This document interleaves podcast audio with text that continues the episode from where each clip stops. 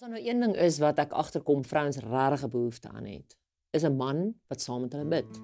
My naam is Greta Wit en ek gaan vandag bietjie met jou hieroor gesels. As dit 'n begeerte is vir jou, dan is daar 'n paar goeders wat ons moet weet as vrouens. Hoe kry ek my man om saam met my te bid? En ek praat nie nou van 'n seëngebed en jy bid vir kos nie. Ek praat van ons bid hard en ons in ons kniel elke aand of ons sit elke aand by mekaar. Hierdie is 'n groot ding vir vrouens. Dis dis eintlik dis nie groot nie, is huge. En tog is dit 'n ding waarvan baie mans wegskram. Ek weet nie of is dit dat dalk dat mans voel hulle word emosioneel blootgestel.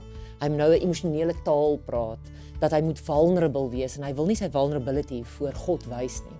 Dalk is dit dit. Ehm um, maar meer nog, ek dink baie keer sukkel ons om voor mekaar te bid in 'n huwelik. Ehm um, omdat omdat ons nooit geleer is om te bid nie. Jy weet van kleins af bid ons reeksies en reeltjies en reseppies. Dankie vir 'n bietjie, dankie vir mamma en pappa, dankie vir kossies, dankie vir 'n maatjie, dankie vir dit en en vergewe asseblief ons sondes. En dan het ons daai daai tradisionele nie uit verdienste wat daai genade goeders, dan dan het ons so 'n closure, die die laaste sinnetjie van die gebed, dit is 'n reeltjie en dan tik ons amen en dan is ons dan. En dan word ons groot. En nou moet ons ons harte kom oopmaak. Nou nou kan ons nie meer net bid en sê Here, dankie vir my bed en dankie vir kos nie. Ek het 'n hartsding wat ek voor God moet neersit en dan word dit triekie. Want dit beteken ek moet actually verhouding hê. So ek dink baie keer ons sukkel om saam mekaar te bid omdat ons eintlik nie verhouding het nie. Nie met mekaar nie, maar ons het nie daai intense verhouding saam met mekaar voor God nie. Julle en dit is dis 'n crucial ding want 'n 'n paartjie wat saam bid, daar's 'n stuk eenheid tussen daai twee mense. Daar's 'n stuk geestelike ding tussen daai twee mense wat nie in ander huwelike bestaan nie. Maar nou wil ek vir die vrouens As jy so vrou is, luister mooi. Vrouens het nodig om te weet, partykeer dryf ons ons mans weg van die Here af. Ons is so hoog heilig. Ons gooi 'n geestelike sousie oor alles. Ons wil hulle met reëls en met dogma en liefie, weet jy die rook, jy sal nie die Here se stem hoor as jy nou aanhou rook nie. Daar's 'n wolkie tussen jou en God. Weet jy wat daai mense wat by jou kuier, ek hou nie van daai vriend nie. Ons is heeldag besig om hulle te mother en ons dryf hulle eintlik weg van God af. Ons wil ons wil God op 'n manier in hulle kele afsit. Of jy 'n ding verduidelik. Ek het dit gedoen. Ehm um, toe ek tot bekering gekom het, was ek desperaat dat Fransjo by die God moet uitkom en dat hy sy woord moet vat en so meer. Dan klim ek saam met Fransjo in die bed. Nou wil hy hy draai om en hy slaap. Dan vat ek my Bybel en sê ek vir hom, "Gaan jy nie lees nie?" Dan hoor ek hoe die Here vir my sê, "Wat doen jy?" Dan dink ek, "Here, maar as hy nie lees nie, hoe gaan hy ooit gered word?" Sondag dan sê ek, "Hoor liefie, ek gaan kerk toe saam met die kinders. Wou jy saam gegaan het?" So ek het die hele tyd sulke aas uitgegooi en ek het net gesien hoe dryf my man weg van my af. Nou hierdie klink nou so half verkeerde kant om, maar ek beloof jou, hierdie werk. Ek het eendag het ek net besef, jy gaan nie na 'n boemelaar toe en sê vir hom, "Maar weet jy wat, Jesus is die brood van die lewe nie?" En ek het dit al baie gesê. Jy gaan en jy gee vir hom brood en dan vertel jy vir hom, Jesus is die brood van die lewe. En dit beteken Stap 1 om jou man op dieselfde geestelike bladsy as jy te kry. Is jy my sussie het nodig om verhouding met jou man te hê. En dit impliseer fisiese verhouding. Nee, ek praat nie van seks nie, maar dit sluit dit definitief in. Jou man het 'n begeerte dat jy emosioneel deel sal wees van sy lewe. He he doesn't want to be judged with you. Hy wil ruimte hê om te kan weet ek is goed genoeg. Ek ek is oukei okay by my vrou. Sy geniet my. Sy hou van my.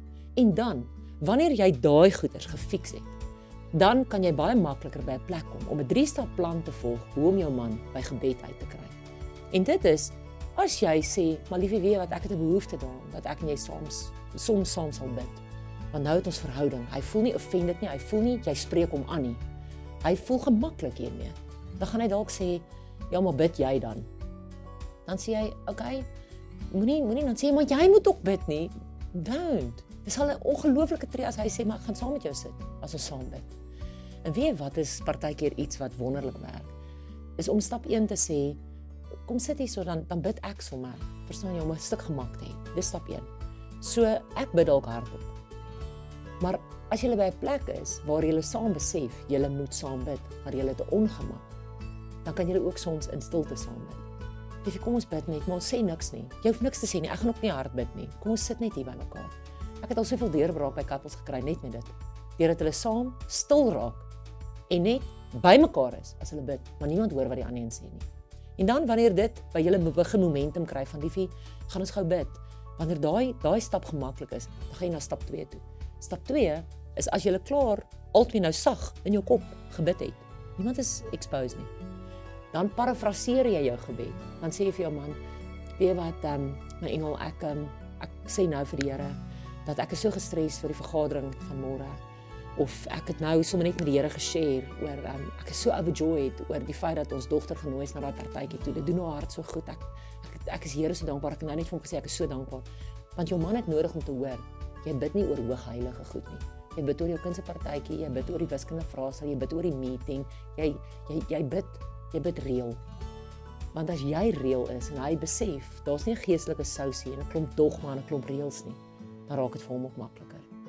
En dan as jy deur daai stap gewerk het, dan kan jy by dalk by die punt kom waar hy sê maar hy sal vanaand vir julle bid. Moenie jou man in 'n blik druk nie. Jy kan nie 'n man dwing om te bid nie. Moenie hoogheilig wees nie. Elke man wat saam met 'n vrou bid, beloof ek jou, het 'n vrou wat 'n reël verhouding het met hom. Gaan wees jy daai vrou.